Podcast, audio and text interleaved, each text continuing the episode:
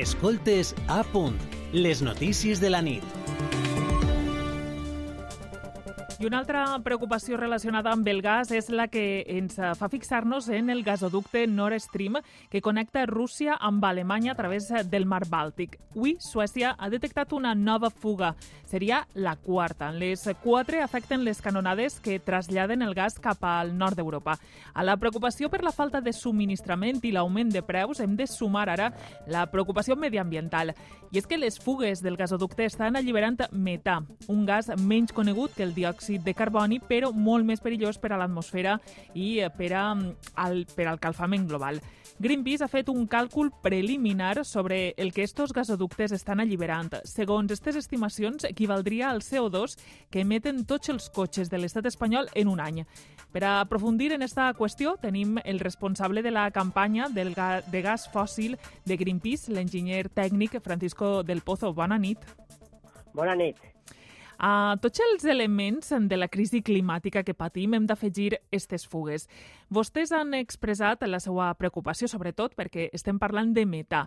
Per a les persones no expertes, per què és perillós eh, este gas, el metà, i de quina manera contribueix a empitjorar la situació? Pues nosotros desde Greenpeace y muchas organizaciones ecologistas llevamos muchos años ya hablando de que el metano que se fuga de las infraestructuras de gas es es más peligroso que el CO2 y encima no está siendo correctamente eh, tratado, en el sentido de que no se invierte suficiente en, en, la prevención de las fugas. Y nosotros consideramos que es unas, son unas emisiones tan grandes que hacen que cualquier tipo de, de mejora eh, de eficiencia que pueda tener el gas la, la, la vuelve, lo vuelve igual de de malo que el resto de los combustibles, con lo cual la única opción real es que tenemos es dejar progresivamente de usar gas para un sistema 100% renovable. Uh -huh. A banda de, de l'afecció sobre el calfament global que hem comentat, de quina manera afectarà l'ecosistema marí, si és que li afecta, que entenem que sí, i també eh, es parla de risc d'explosió. En quines condicions es donaria aquesta explosió o explosions, perquè n'hi ha quatre fugues, i, i com afectarien a, al clima en general? Pues eh, nosotros ah, llamamos las fugas de los, estos grandes gasoductos, sobre todo esta que posiblemente sea la mayor fuga de la historia de, de, de, gas metano a la atmósfera de manera directa a través de una, de una infraestructura pues eh, nosotros la llamamos bomba climática o chapapote invisible, porque realmente el gas metano es un gas bastante inocuo, aunque explosivo, eh, no afecta mucho a la vida de la, de la zona marítima, aunque esa vida marítima ya ha sido afectada por la propia construcción del gasoducto. Pero eh, al ser un gran y muy potente gas de efecto invernadero, 84 veces más potente que el CO2, lo que hace es eh, subir a la atmósfera y ser parte de la capa de gases de efecto invernadero que están provocando eh, en los cambios en el clima y la subida de la temperatura global, con lo cual al final a, a nivel global afecta tanto al ecosistema marino como al terrestre. Uh -huh. Diga, diga. Y, no, y respecto al riesgo de explosión, pues eh, por eso es, un explosivo, evidentemente, es un es, por eso han hecho una zona de restricción de, de, para la navegación, por lo cual favorece que en un momento dado pueda haber un, un, punto de energía, o sea, una especie de chispa de algún tipo y pueda generar un desastre aún mayor. Uh -huh. Esperem que no hi hagi tempestes eh, amb llamps, per exemple, no? que igual podrien claro. provocar eh, eixes explosions. Ja ho ha apuntat més o menys abans, però de quina manera es podria minimitzar este risc i què es podria fer per a revertir-lo, si és que hi ha algun factor que ho puga revertir?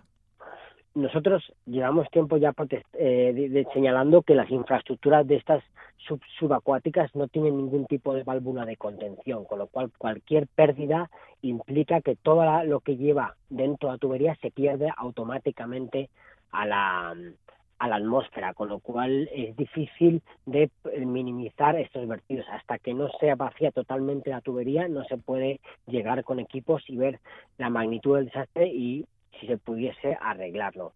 La única manera realmente lógica de minimizar los efectos del metano sobre el cambio climático es progresivamente, como he dicho antes, dejar de usarlo en tanto en nuestras calderas, sobre todo en nuestra industria y nuestras centrales de combinado con la, a, través de la transición ecológica. Pues recordemos, el gas es responsable no solo del, de, estos, de estos efectos adversos sobre el clima, sino también es responsable de una crisis climática y una crisis energética que está afectando a miles de hogares que no que van a sufrir bastante este invierno a la hora de pagar sus facturas.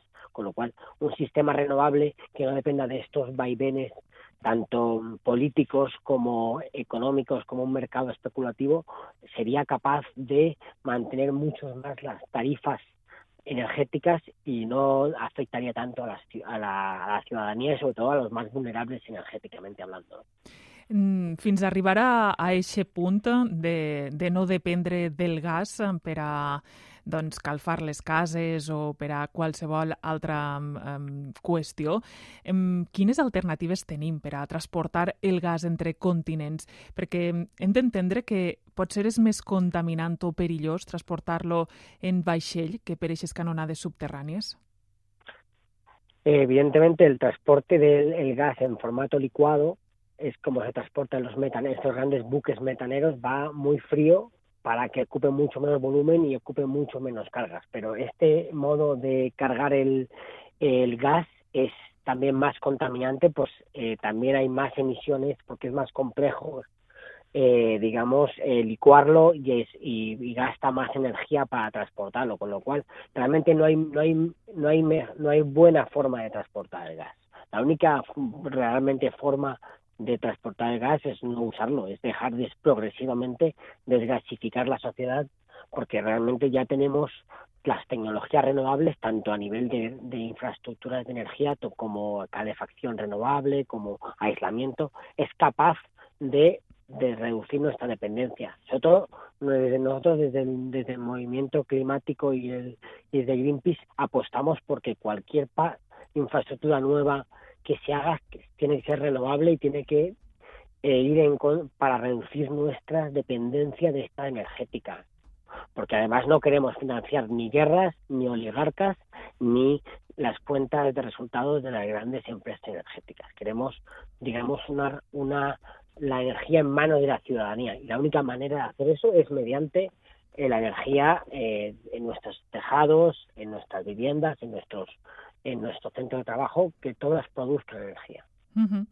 Doncs uh, Francisco del Pozo, tècnic, enginyer tècnic i responsable de la campanya de gas fòssil de Greenpeace, moltes gràcies per haver-nos aclarit un poc més quina és l'afectació d'aquestes uh, fugues i també eh, doncs, confiem que anem a passos de gegant cap a aquest model energètic que, que plantegen des de Greenpeace. Moltíssimes gràcies per atendre. Com, Digue, digue.